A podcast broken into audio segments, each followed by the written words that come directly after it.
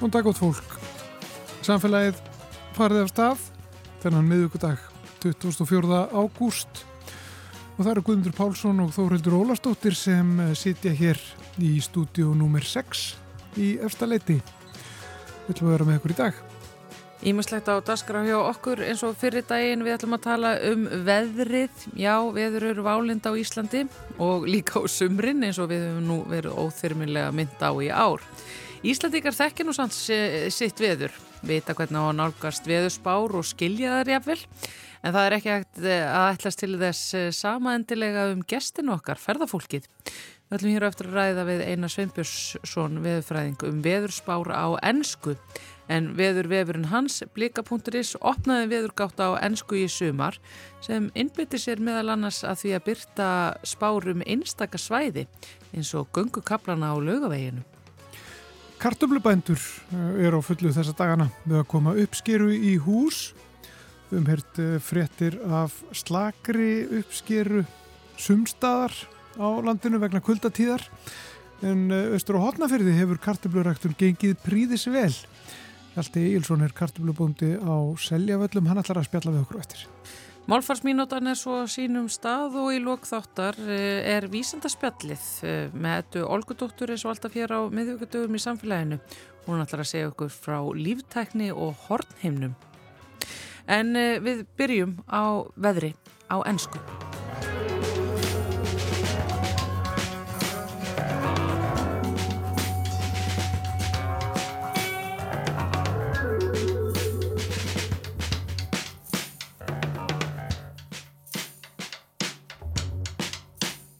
Sumarið hefur verið svona undir meðalagi, hvað var það veður blíðu, en þetta er nú líka bara Ísland, það er alls konar veður hérna, það enkenir þetta land.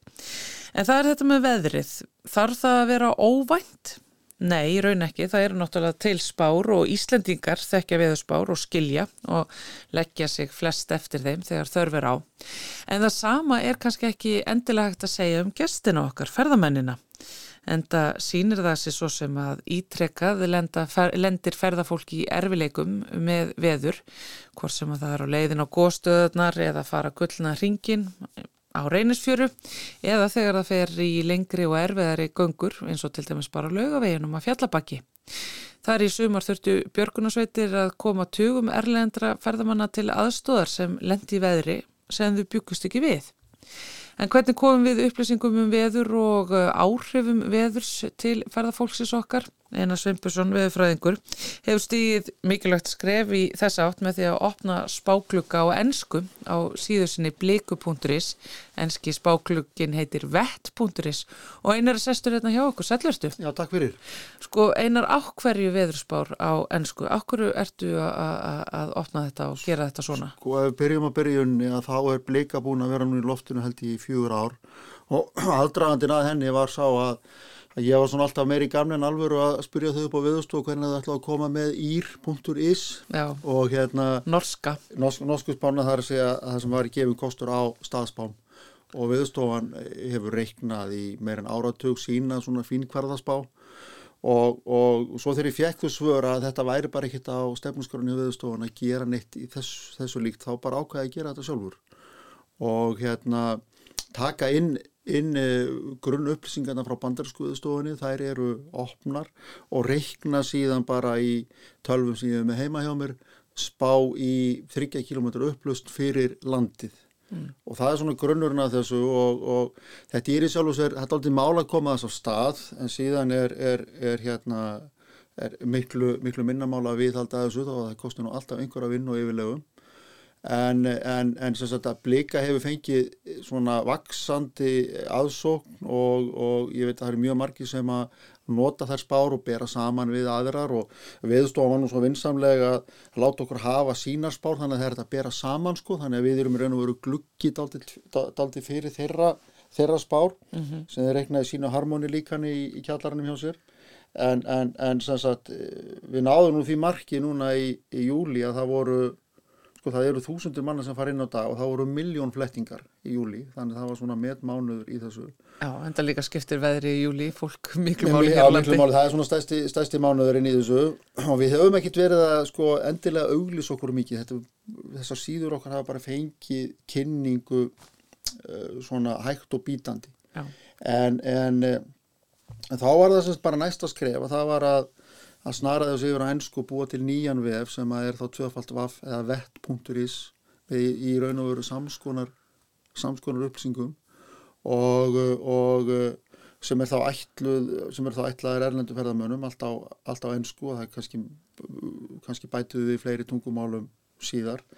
Það hefur eins og að farið hægar á stað og, og svona allt í tiltöluum róliheitum en en síðan eins og segja sko eftir að eftir að við heyrðum af því að, að það voru, voru vandræði á, á laugaveginum að þá ákveða, var ákveðið að stíga sko næsta skref og gera svona leiðaspár.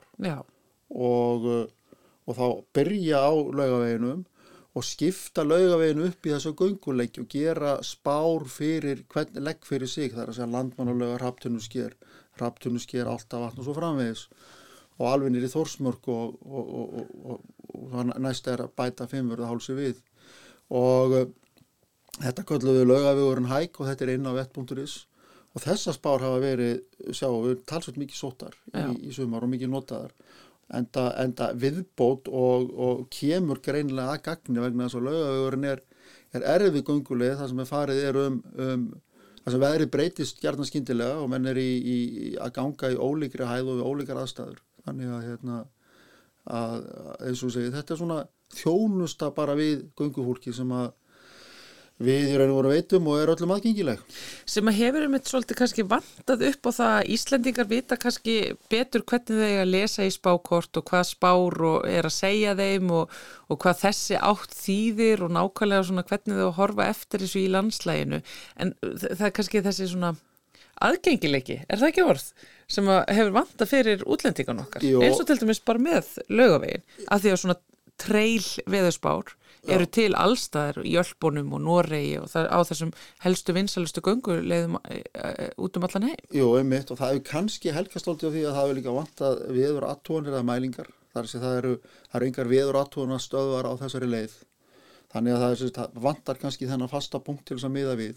Og þá eru spárnar enn frekar hérna gaglegar og, og síðan gerðum við þetta sama í raun og veru í eldgósunu byrjiðum í fyrra og það er bara síðan síðan sem heitir vulkanoveður.is og það var lítið mál að uppfara hana núna þegar byrja þegar þetta skindigós var, þetta vinsala skindigós og þá er það í raun og veru veðurspá fyrir, fyrir hérna leiðina ásamt hagnýtum upplýsingum um gasdreyfingu og um leiðaval og búnað og annað slíkt. Mm og uh, við sáum það að þessar spár voru fljótar að fara út um allan heim og voru sóttar hérðan og þaðan að fólki sem hafið á að koma til Íslands og fyrst og fremst ætlaðar erlenduferða fólki en það eru líka til á íslensku og inn á, inn á, inn, inn, inn á blikur. Sama með reynisfjöru að, að því að maður hefur raun og veru þetta, þessa umgjörð og, og þessa reikninga þá er svo lítið mála að bæta við. Við höfum reyndar varðandi öldusbára þá þá var vann veðuvaktind alltaf greiningu fyrir fiskaldisfyrirtæki í, í Þóllásöp sem er að fara að stað, landeldi sem þar er að fara að stað og, og, og vorum að skoða, skoða hérna öldufarið og sjáagang þar úti fyrir.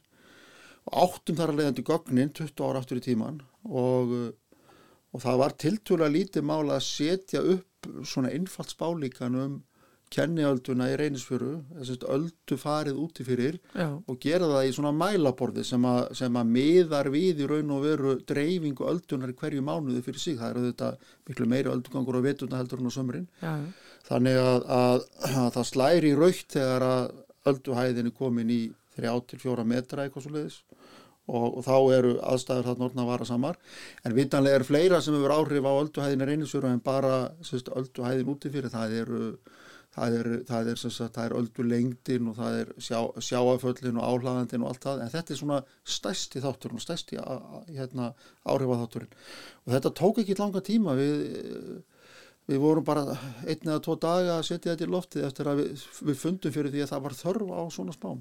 Já, það er nefnilega þessi þörfin eins og vindkviðspáin sem að þið eru líka með aðgengilega er, er eitthvað sem að hérna, eh, er svo nöðsjöli líka fyrir útlendingan okkar. Já, hún á, hún á sér lengir aðdraða þetta er verkefni sem að, að unni var að vegagerðinni á, á nokkuð mörgum árum en, en, en vindkviðspáin er en síðan í framaldi því þá, þá, þá, þá snýru við henni inn, lík, inn í líkanið fyrir þess 86 staði og er að gefa, er að gefa ágæta raun og, og vonandi hefur sko hafa, hefur bættur viðbúnaður uh, varðandi það að vara við uh, veðri sem getur valdið fóki á, á húsbílum og hjólusum skilað einhverju allavega það hefur ekki vantað það að veri dagar í sumar það sem hefur verið talsveit drók en ekki mikið um fréttir sem byttu fyrir af, af hérna, fjúkandi aftanívagnu þannig að, að vonandi er þetta skil einhverju og, og gera gagn. Já það er nefnilega líka þetta sko Íslandikar gera kannski þetta er eitthvað sem við vitum, við vitum að það er rók undir hafnafjalli og það þarf að passa sig þar og, og þetta sko en, en við getum ekki alltaf til þess að almanna vitneski á Íslandi sé eitthvað ná út fyrir landstæluna. Nei, heila máli, það er Það er þessi, þessi vandi og þessi áskorun að koma upplýsingum til erlendu ferðamannina og gera það upplýsta um það sem er í gangi. Og þá verður meina að draga fram það sem að mestumáli skiptir sem eru með í málinn, að reyna að ramma þetta inn bæði fyrir staði og í tíma svo að, hérna, svo að fólk geti, geti varast og breytt plönum sínum. Já, ég var einmitt eh, að fjallabæki í sumar og, og hitti erlend ferðarfólk sem var að ganga þar og uh, þau voru nú ekki betur upplýstar um veðri heldur en svo. Að þau heldur að þau getur bara náð í þetta þarna í veðarappinu sem er, allir eru með í snjálfsímanum sínum. Já. en svo er eitthvað samband á þessu svæði. Þannig að þau vissi ekkert. Sko fyrir að fyrsta náttúrulega það app segir náttúrulega alls ekki alls sem þú þarfst að vita þú ert að ganga til dæmis þarna í hrapptinu skeri hátt uppi Og, og það er ekkert samband þannig að þú ert upplýsingarlaus á mjög hættulegur og erfiðri gunguleið. Já, þú þú ert með spánaði símanum og ert með samband þetta er spá en hún er unnin á mjög gróðan einfaldan hátt og, og, og tapar oft á tíðum einhverjum mikilvægum upplýsingum og hérna og það er, sko, það er það fyrst að það er að koma útlendingum í skilningum um það að þetta, þetta duð ekki og og, og, og Safe Travel hefur nú gert sitt í því að reyna að koma uppsingur til fólks um það hvernig og hvar það eigi að leita, hvar það eigi að finna uppsingar og hérna og hefur, hefur, hefur raun og veru skilað miklu. En þetta er þetta er eins og segi mikil áskorun að koma því inn hjá erlendu ferðarfólki að veðri getur breyst hér mjög skindilega en, en mér sýnist nú á, á svona það sem ég hef heilt hjá þeir sem eru út, á, út í mörginni að að, að ferðarfólkið okkar hér að það tekur mjög vel leiðbenningum Já, og, og, og ef það er spástormi eða einhverju vondu veðri þá, þá er það alveg tilbúið að breyta sínu ferðarblöðun það eru íslendingarnir sem eru verri og segja ég er búin að ákveða þessa ferð fyrir lengur og ég ætla að fara.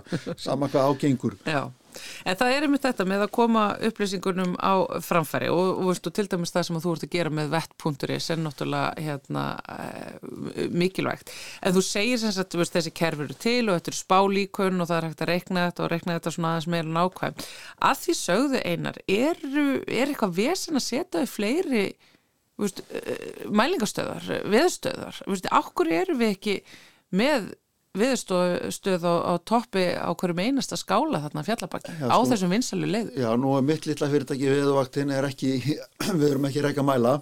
Og það eru, það eru, það eru ofnbyrra aðilar sem að hafa skildur til mælaregstur sinns og viðstofan, hún hefur, hefur hérna, hún hefur klára skildur samkvæmt lögum og, og það er viðstofan sem að e, e, býr til sína forgangsröðun hvað skiptir þar, hvað skiptir þar máli í, í þessum mæla á tækjaregstri Eh, vegagerðin hefur, hefur líka skildur að koma uppsingum til vegfærenda og, og, og þar hafa með verið eh, hérna mjög duglega við að setja upp eh, mæla til dæmis á þessum stöðum þar sem er, er mest í vindurinn og mest hætta á kviðum á, á landinu og, og upp á, á fjallugum en það eru í þessu mælarekstra kerfi þá eru eyður það má nefna fleiri aðeins eins og hafnirnar í landinu, hafnir en það eru eyður og sérstaklega inn á hálendinu. Og, og upp á svona herri fjöllum sem fólk er að sækja í gönguferðum, ekki bara á sömurinn heldur á öllum árstímum.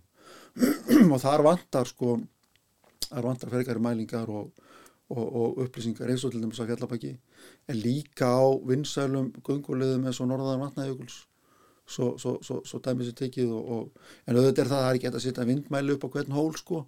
En, en, eh, en það er samt að verður að mínu viti þá þá, þá, þá, þá þyrti að bæta þessa þjónust og þessa upplýsingagjöf. Svona með því að, að velja úr, úr, úr hérna mikilsverðustu staðin eins og til dæmis raptinu sker þar sem margir koma sem er nú í rúmlega þúsund metra hæð og, og ég hef nú sjálfur gengið þáka nokkur sinnum úr góðu veri í landmannlögum og komið bara í slittu Já, ég er náttúrulega þekkt að, að það er rosalega mikla villur ofta þarna í kringur hattinsker. En talandi um, um landmannlögar sem eru eiginlega bara að stærði eins og lítið þorp á sumrin, veist, þá ætti að vera veðurstöðar. Það finnst mér að vera, ég tek alveg undir það. Það er, það, það er ekki spurning, það er einn af þessum vinsælu ferða, ferðamannastöðum sko, þá að svo komi kannski ekki jafn margið þákað og í á þingvelli og, og, og í skaftafell að þá er þetta, þá er þetta mjög vinsalt staður að, að sömalægin. Já, já, og líka einmitt af því að, að fólk sem að fer á þingvelli getur yfirlegt sko hlaupið í skjól í bílinn sinn en það er náttúrulega ekki kannski endilega hlaupið af því að þú vart að ganga grænarreika eða tala nú ekki um upp í landmannlegum. Það er klárlega erfiðara. Já, sko einmitt af því að sko við myndist þarna á að, að Björgunarsveitir hefði þurft að koma ferðarfólki til hjálpar og, og við fjöllum um það í þáttunum sumarmál hér í rásættir í, í sumar og fengum við Hjalta Björnsson um, lesum hann til þess að segja okkur frá ófrendra ástandi sem að skapaðist þarna lögaveginum í sumar. Um, þar sem að það var þeila allt vittlust þarna í skálunum við emstrur um, einfallega því að það var stór hópur á ferð sem að var ekki undirbúin fyrir veðri sem að gekk yfir sem að Hjalti segir að innan svona þeirra Eh, ramma sem að ferðarfélagi eh, starfar var alveg innan marka, það voru vinkvöður og bleita en, en það var ekkert verið að aflýsa neinu. En þessi hópur, erlendi ferðarhópur, var ekki undirbúin undir þetta neinu leiti uh, og hafði einhvern veginn bara ekki bórið sig eftir uh, veðurspám og enginn í kringum þau sem að var að stjórna þessari ferð þannig að þau voru bara á, á, á bómullarbuksum og, og, og blankskóm nánast og, og urðu síðan mjög svona hissa og reið jáfnvel þegar það, það blés og, og, og blitt í þeim. Og komast náttúrulega í en krabban voru sem þarna mjög hætt komin. Sko er, voru við að Íslendingar uppfylla þá upplýsingagjöf sem að, að okkur ber að, að veita til ferðarfólksins okkar? Sko ég heyrði þetta viðtal við hjálta og mjög alltaf slegin Eh, alveg klárlega ekki sko, við, við getum alltaf gett betur. En þarna kom líka fram að það var, eh, var leysugum að það er að farastjóri sem að, að hafi greinilega ekki sótt sér upplýsingar. Og það eru þetta frumskilda þeirra sem skipulegja ferðir og selja ferðir til, til, til hérna, ferðalanga sem alltaf fari ykkur ákveðna lið að þeir, að þeir sæki og aflýsi þær upplýsinga og þar með talið veður upplýsinga sem, sem, sem, sem þarf. En ég velti því líka fyrir mér sko það er, það er svo margt að breytast á Íslandi og þarfinnar eru aðrar í dag að þeir voru áður sko að, að þegar við erum með viðbúnað og, og, og viðvaranir og viðvaranarkerfi e, viðstofunar hefur tekið mið af þessu að miklu leiti en, en, en hvort að við getum ekki bætt viðbúnaðin einmitt þessar 6-8 vikur að sumri inn á hálendinu og hérna og og, uh, og sko greint betur niður á, á þá, þá, þá staðið það sem fólk er flest eins og lögaveginum eins og, eins og, eins eins við, eins við drega, eins og kýli og svo framvegis. Að eh, tekið út þessi, þessi svæði og spáð bara sérstaklega fyrir þau yfir sumatíman Ég menna sko með við hvernig þetta var í sumar þá verðist bara hafa verið full þörf á þessu. Já, Talaðu við alla sem að voru vakti á álendisbjörgunarsveitinni.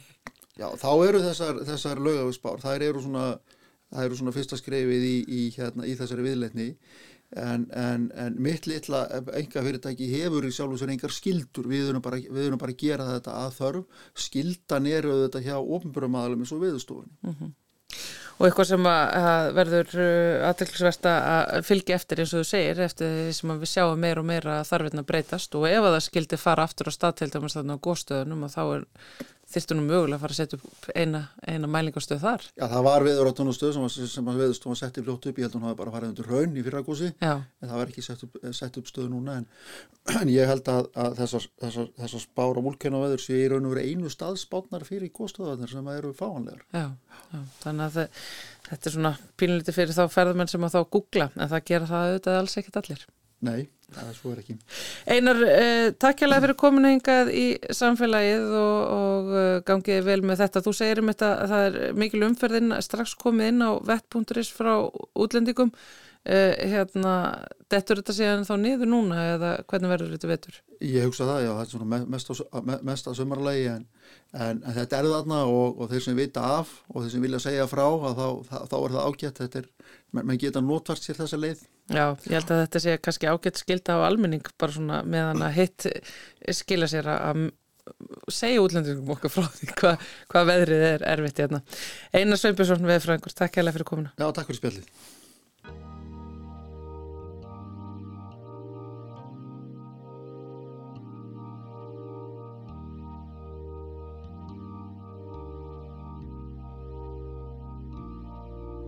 Try your best but you don't succeed. When you get what you want but not what you need. When you feel so tired but you can't sleep. Stuck in reverse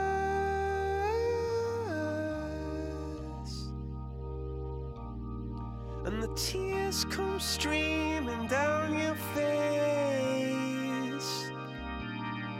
When you lose something you can't replace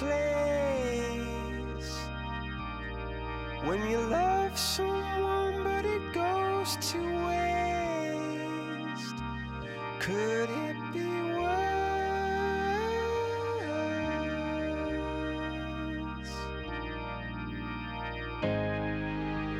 Lights will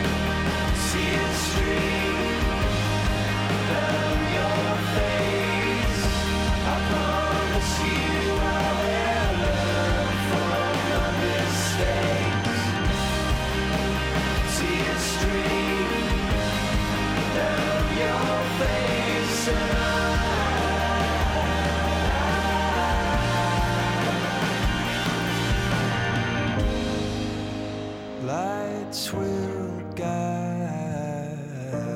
you home and ignite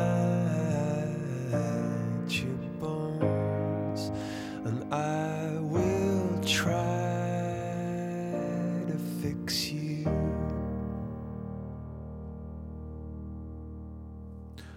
Þetta er hljómsveitin Coldplay og lag sem heitir Fix You lag sem kom út á plötu hljómsveitarinnar árið 2005 plötu sem heitir X og Upsilon og sagan segir að Chris Martin söngvari hljómsveitarinnar hafi samið þetta lag eh, eftir að eiginkonans Gwyneth Paltrow þáverandi eh, misti föður sinn og vildi hugreistana meðlans með þessu lagi Fix You. En við ætlum hér eftir smá stund að uh, ringja austur á hotnafjörð við ætlum að tala um kartublur og kartublu uppskeru svo sest hún hjá okkur líka eftir hún Edda. Hún uh, Þetta Olgudóttir sem Edda er, ef ég man rétt uh, frá þessu svæði, Hortnaferði. er það svo? Þannig að það er að myndast þetta ákveðið þema. Það er ákveðið maður að koma hér í gang. já, það er hér eftir smá stund. Við ringjum til hotnafjörðar fyrst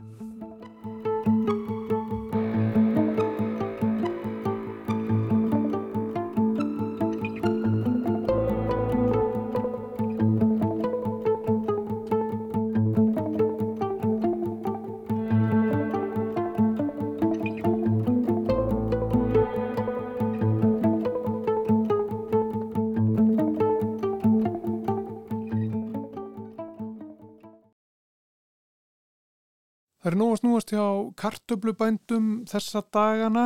Það er verið að koma uppskýrunni í hús og um, okkur skilst að það gangi svona, já, misvel. Uh, Uppskýran sé misvel á, á veg komin en uh, okkur er sagt að það gangi nú bara alveg ágætlega uh, hjá þeim á Seljavöllum við Hortnafjörð. Þar er uh, Hjalti Egilson, kartöblubóndi og hann er í símanum, góður sæll. Kondur sæl.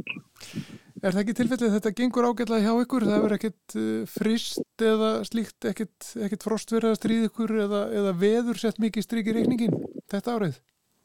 Nei, þetta virðist að koma bara vel út þetta árið og uppskjöra sér er bara góð. Við hefum ekki orðið fyrir neinum sérstökum áföllum. Sko. Það er svolítið fast, komið svona stórviðið þarna í sumar sem kannski senkuðu þessu aðeins en, en, en, en, en það hefur jafnað sér vel og, og þetta lítur bara vel út núna. Já. Hvað er það annars sem að, sem að er, er þarf að, huga sérstaklega að? Er það, er það veðrið? Er það bara alltaf númer 1, 2 og 3 einhvern veginn? Að- að Það, þur- ef að veður er þokkalegt þá verður uppskjara góð. Já, hún náttúrulega skiptir náttúrulega verulegu máli og, og hérna uh, upp á að, að fá uppskjöru og það er verður að segja eins og er að við erum svona á þessum nýstu slóðum hérna á Íslandi.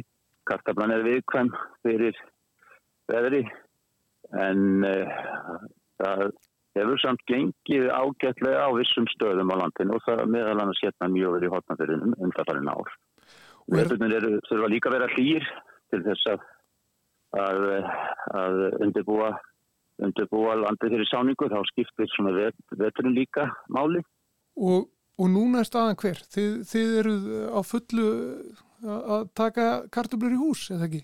Já, við byrjuðum svona, svona um miðjan júli, þá byrjuðum við í þessari svo kvöldu sumarsölu, þá er tekið, þá er tekið upp fyrir bara markaðinn og núna eru við partnir að taka upp til þess að setja í hús fyrir veturinn. Já. Og fyrir markaðinn þá, það eru þessar nýju íslensku kartublur sem að fólk vil sjá í búðum. Já, já, það eru teknar, það eru teknar upp jafnóðum, má segja, og það er farið að beint á markað. Og ertu, þarftu að hugsa um þetta allan á sér ring? Ertu alltaf að hugsa um, um, um kartublur allan á sér ring? Hvort, hvort, hvort, sem það er, er ágúst eða februar? Já, þetta er, all, er alveg rétt, þetta, þetta er all, allt árið. Við hérna eh, sjáum sjálfur sko, um söluna líka, við hérna gerum þetta klást alveg til neytenda, varan er, okkur mest og þannig að það er aldrei mikil aukavinna sem kemur þar inn sem er náttúrulega mjög gott. Og, og uh, þannig að síðan náttúrulega er þarf að setja niður kartöflur, það þarf að hugsa um agrana allt sumari og hérna og svo eru uppskjöru störf þannig að þetta er alveg, á, alveg allt árið sem við erum að vinna í þessu. Og hvaða aðferðum beiti þið? Sko, stundum er rægt að undir einhverjum yfirbreðslu með það ekki eða ábreðum. Gerir þið það? Það er, já, það er þessar sumar uh, kartöflur það er, það er sett strax yfir það sérstakt uh, plast sem er ætlað til þess að, að flýta fyrir uppskjöru. Það getur mun og tölverðu að setja það og það getur tekið snemma upp yfir sumarið og uh, ég er með tölvert mikið af þannig kartöflum. Og hvernig kartöflur rækti þið?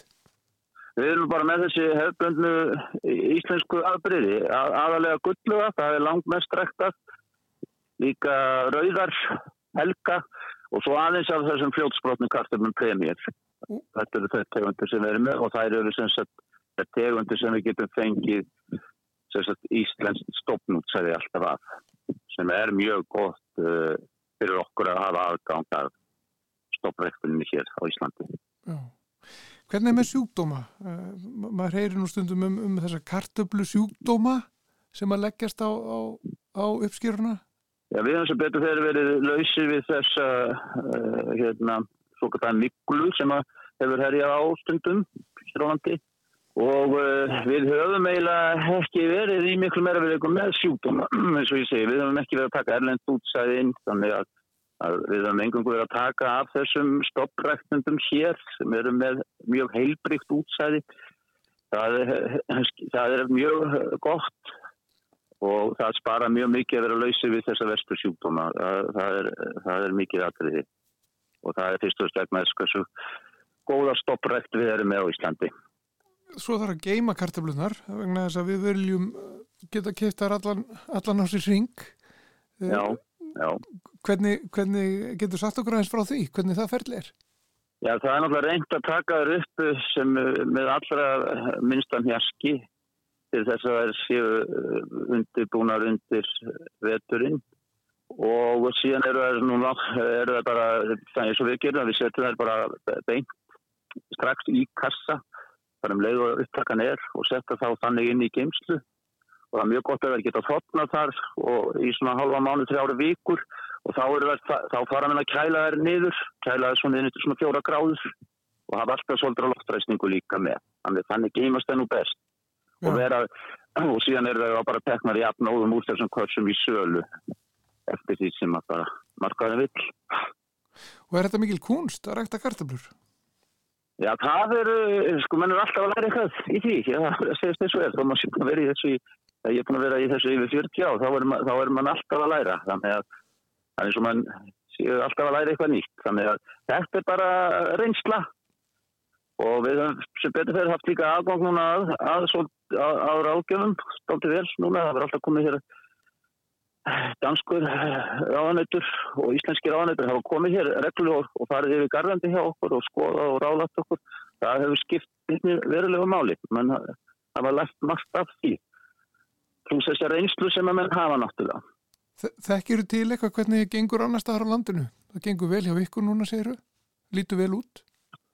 Já, Já, þeir hafa orðið fyrir áföllum svolítið, bæði fyrir norðan þeir fengu á sinættu frost og það þóli kartöflugröð sem þóla það ekki og eins eitthvað er tikkabænum en ég held að sé nú samt svona alveg uppskera samt hjá þeim bæði fyrir norðan og tikkabænum að ég hef heilt um en kannski ekki mjög mikil þetta árið.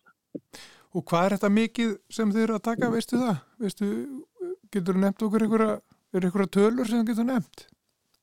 Já, uppskjörunar í þetta hefa verið svona um 500-600 tonn sem ég hef verið með á ári Já. í heldina Já. og þannig að það er tölverst af kastunum hér í hotnafyrinu, það eru hérna fleiri líka en ég, þeir eru hérna brændi mínir hérna rétt hjá, þeir eru líka með talsveitmagn og einn annar bóndi, það eru þrý bændur eftir hér í kastunum og það er svona dálítið magn sem getur komið hér Já, er þetta þá bara nokkur þúsund tonn af kartablum sem, sem eru tekin upp á hverju ári á, á landinu allu?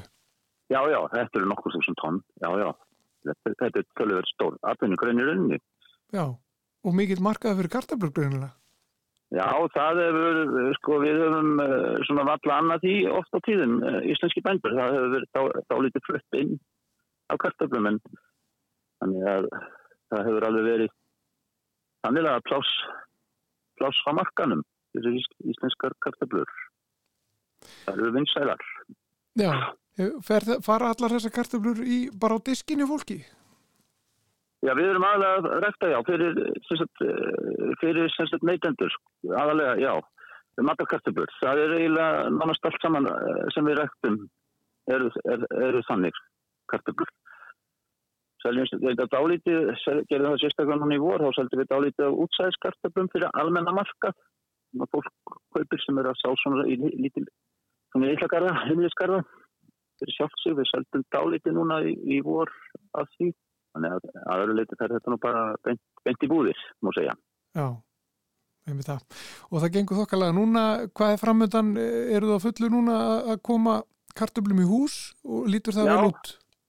Já, já, það, hérna, þetta lítur allt saman ágætt út, en við getum aldrei sagt, sagt neitt með, með ákveðnum fyrir en að við erum búin að koma öll í hús, þá getum við sagt hvernig útlítið. Það er verulega, þetta, þetta veðráttan er mjög misjöfn og, og það er uh, á, hér á landi, eins og við vitum, getur, en, en eins og staðan er núna, þá finnst mér þetta lítið ágætlega út allt saman. Þannig að- fólk getur um, gengið að því vísu að það verður nóg til að kartöflum líklega í, í vetur. Já, vonandi allavega eh, vonandi í vetur, maður veit ekki alveg hvað uppskeran endist lengur, það fer eftir bara þessu hvernig mönnum gengur gengur, á kartöflum og, og hver uppskeran er hjá mönnum þegar upp er staðið. Það, það skýrist náttúrulega ekki fyrir en bara allir hafa lokið síni, sínum uppskýrð, allir sínu uppskýrð vinnu. Kannski bara rétt í lokin, sko, hver, hvernig takið þið upp þessar kartöflur? Eru þetta stórvirkar vélar sem þið notið eða hvernig, hvernig er það? Já, og, já, við erum með stórvirka vélar og ég er meiri segja núna að taka í notkun nýja vél. Ég átti, er búin að eiga vél, eh, svona uh, vél frá því árið 2000 og kefti ég hérna nýja vél frá Noregi, mjög góða. Síðan fór ég að endur nýja núna og nú er ég komið með vél sem er í rauninni hún tekur, tekur, tekur, svo, tekur um helmingi meiri afkost en, en svo gamla. Þannig að það, það er svona eitthvað framför í þessu. Já, er, þetta er í Og- og- stöður þróun. Já, já, já. Og hérna, þannig að það er svona mjög spennandi verkefni sem við erum með núna. Það er þessi nýja vél sem við erum búin að vera að breyta svona hendi íslenskum aðstæðum. Þannig að það er alltaf eitthvað að skeiði þessu sem þetta er. Já, ég veit það. Hjalti Eilsson, kartöflubúndi á Seljavöllum, ég ætla að leipa þér aftur bara í, í, í vinnu, það er nóg að gera. Já, já, það er nóg að gera. Þakka fyrir að gefa þið tíma til að tala við okkur. Já, takk fyrir bara. Bless, gangi ykkur vel. Já, takk fyrir blessaður.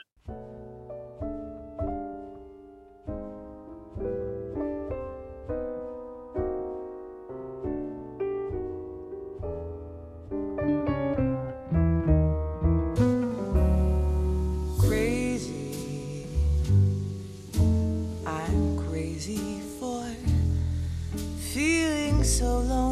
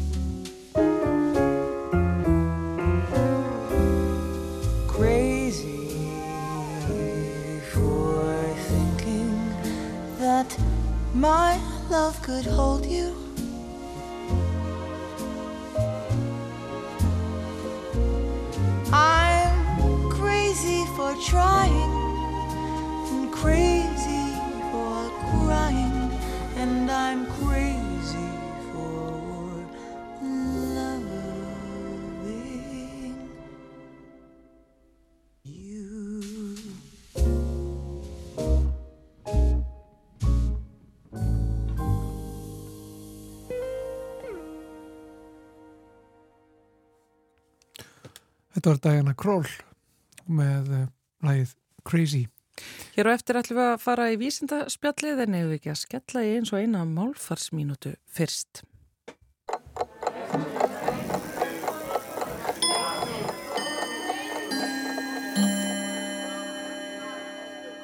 Það er svo skemmtilegt með orðið fræði að það skiptir um kyn millir eintölu og fleirtölu. Og það er ekkert nýtt. Þetta orð hefur verið tvíkynja frá alda öðli. Í Íslendingasögunum eru einn 23 dæmi um fræði, sum dæmana eru í kvenkinni og eintölu, önnur í kvorukinni og fleirtölu. En að minnstakosti eitt dæmi úr Eirík sögur auða virðist vera í kvorukinni en samt í eintölu. Þar segir, konur þær sem kynnu fræði það er þyrti til seiðin að fremja. Þannig að kynorðsins fræði hefur kannski verið örlítið á reiki þarna söguöld og verkaskipting kvenkins og kvorukins ekki verið orðin alveg eins föst. Orðið fræði, hvert sem kyn þess er, er svo augljóslega rótskilt lýsingarorðinu fróður.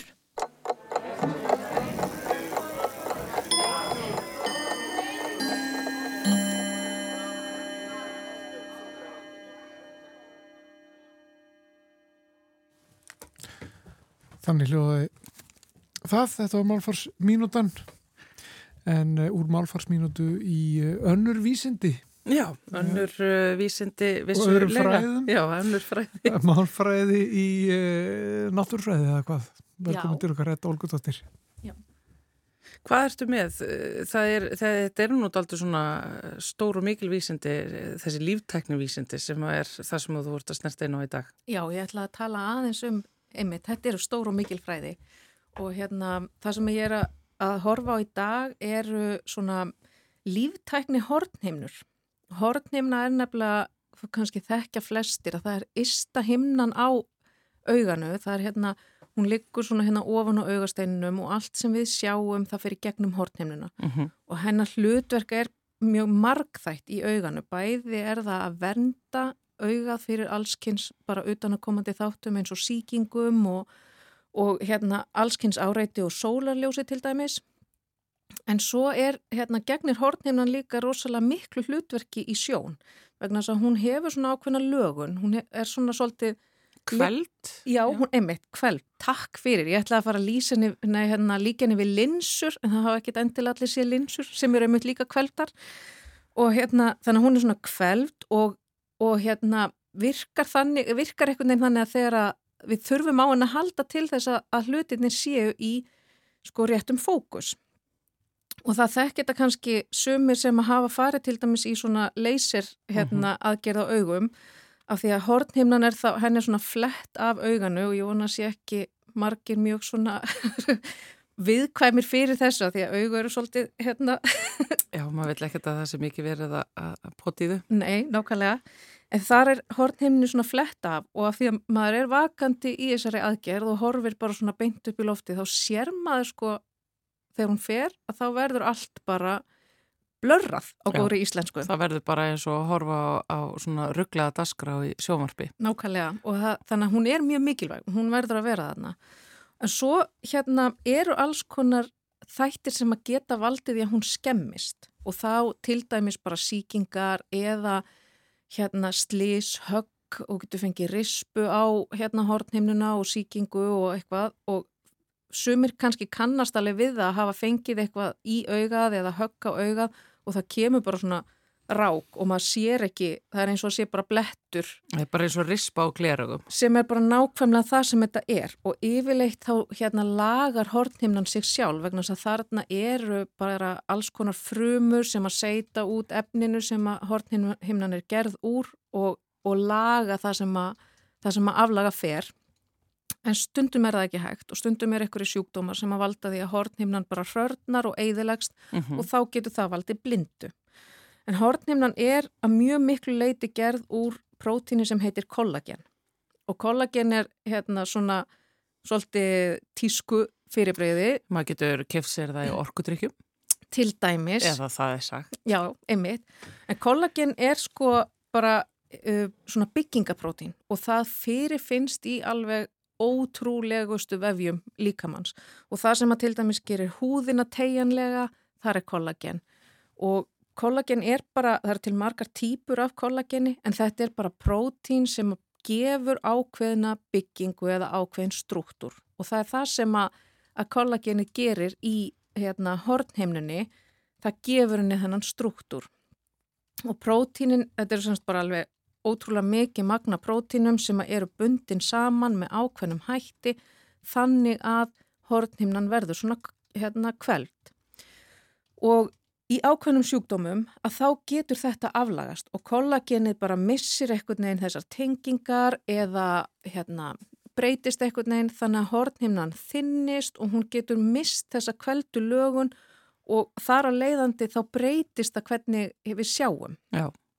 Uh, og, og hérna það eru til sjúkdómar sem, sagt, sem að valda nákvæmlega þessu á hornhimnunni sem að hafa verið uh, meðhöndlaðir til dæmis með hérna ríboflavin sem að við þekkjum líka sem hérna B-vitamin vegna þess að, B-vitaminið það uh, örvar myndun þessara tenginga í kollageninu. Mm og svo stundum virkar það bara vel og það er alveg nóg en ekkert alltaf.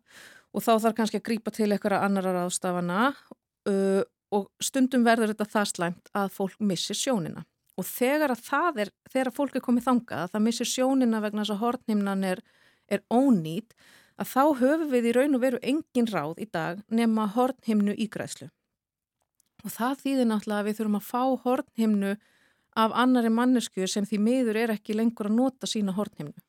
bara þannig að það sé hægt að skjóta þið inn að þá uh, manni eftir að hafa lesið einhvern tíðan greinum það að fólk sem eru líffæragjafar og voru tilbúinir eiginlega til þess að gefa allt úr líkamannum á sér en oft hakaði við að það var ekki tilbúið í að gefa hortimnutnar Í alvöru. Og þetta er eitthvað meira þess að eftir bara fólk deyra þá fólk erfitt með að vita til þess að það sé eitthvað tekið úr augunum. Já, en hortnunur eru einmitt það sem að er bara eins og flest allir líffæragjafar gefa líf að það, það skipta rosalega miklu mála Já. skipta mála að gefa það líka algjörlega. Og svo er annar vinkill á þetta.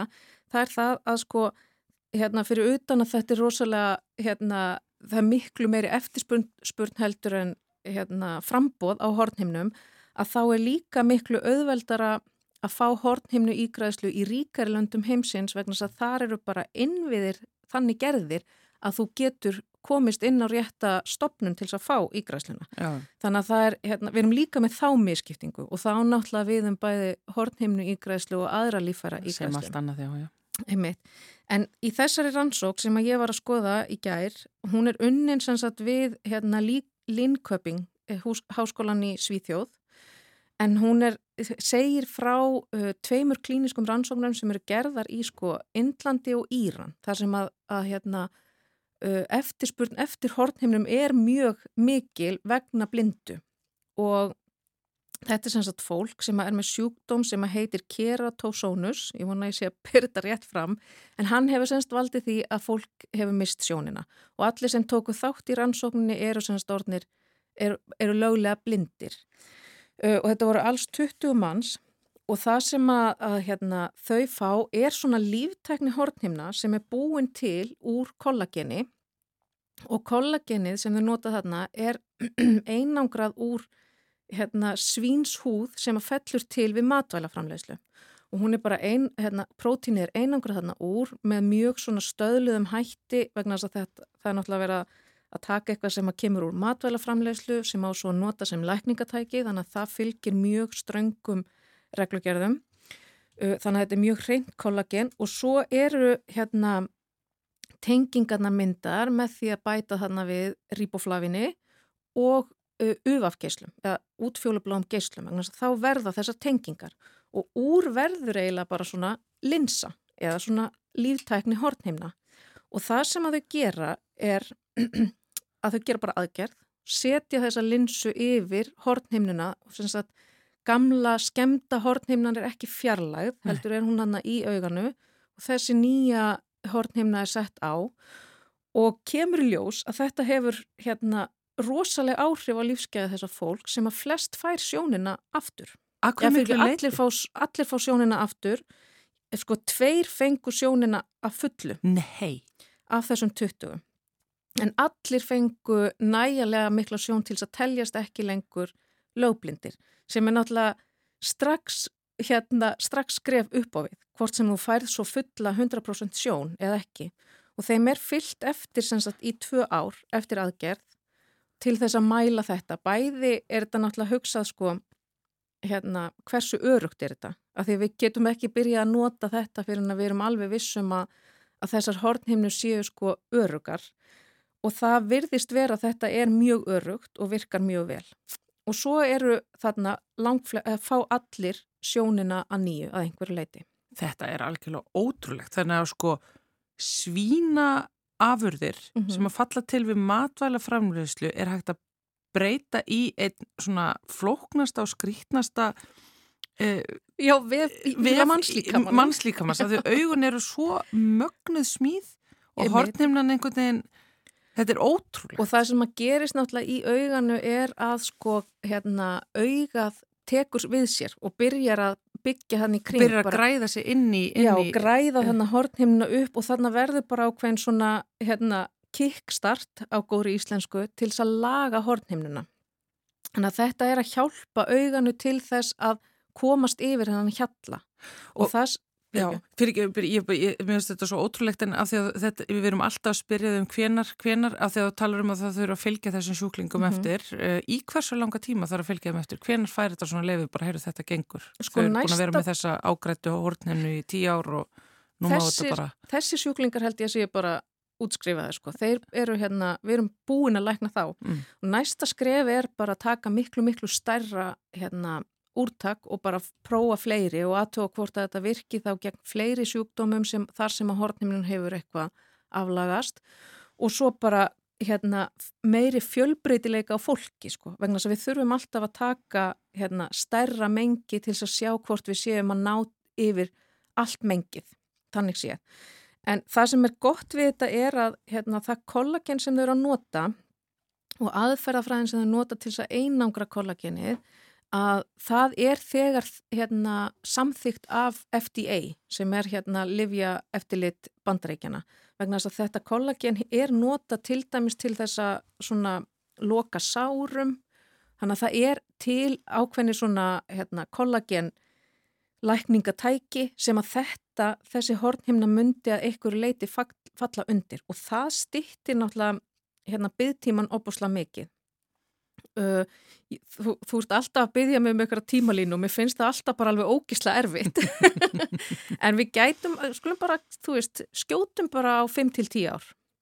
Að þetta gæti alveg verið komið í gagni þá. Og þá erum við líka að því í fyrsta lagi þá erum við þarna að nýta auka afurð sem fellur til í matvælaframlegslu og það er ekkit bara í svínaframlegslu kollagen fellur til í bara veist, þetta er nefnilega mjög algengt prótín í mjög mörgum vefjum allra dýra og svo þar að auki að þá erum við þarna, þetta er ekki svona mikið inngrip eins og hornhimnu ígræsla þannig að þá erum við búin að opna hérna möguleikan á því að framkvæma þetta á sjúkrahúsum þar sem að þú þart kannski aðeins minni innviði heldur en þar sem þú ert að gera líffæra ígræslu. Þannig að þú þarfst ekki að vera ríkur, hvítur og vestrætt. Já, einmitt, sem er náttúrulega hérna kannski ekki, þú veist, oft er gott að geta hjálpa þeim líka. Já, ég myndi nú segja það. Herru, þetta voru stórmerkileg tíðindi eins og alltaf sem að þú færir okkur hérna Edda Olgudóttir í Vísendarspjallinu. Takk hérlega fyrir komuna. Takk fyrir mig. Og með því líkur samfélaginu í dag. Já, við erum hér aftur á morgun á sama tíma, millir klukkan 1 og 2. Guðundur Pálsson og Þórildur Ólistóttir, hveðja. Verið sæl.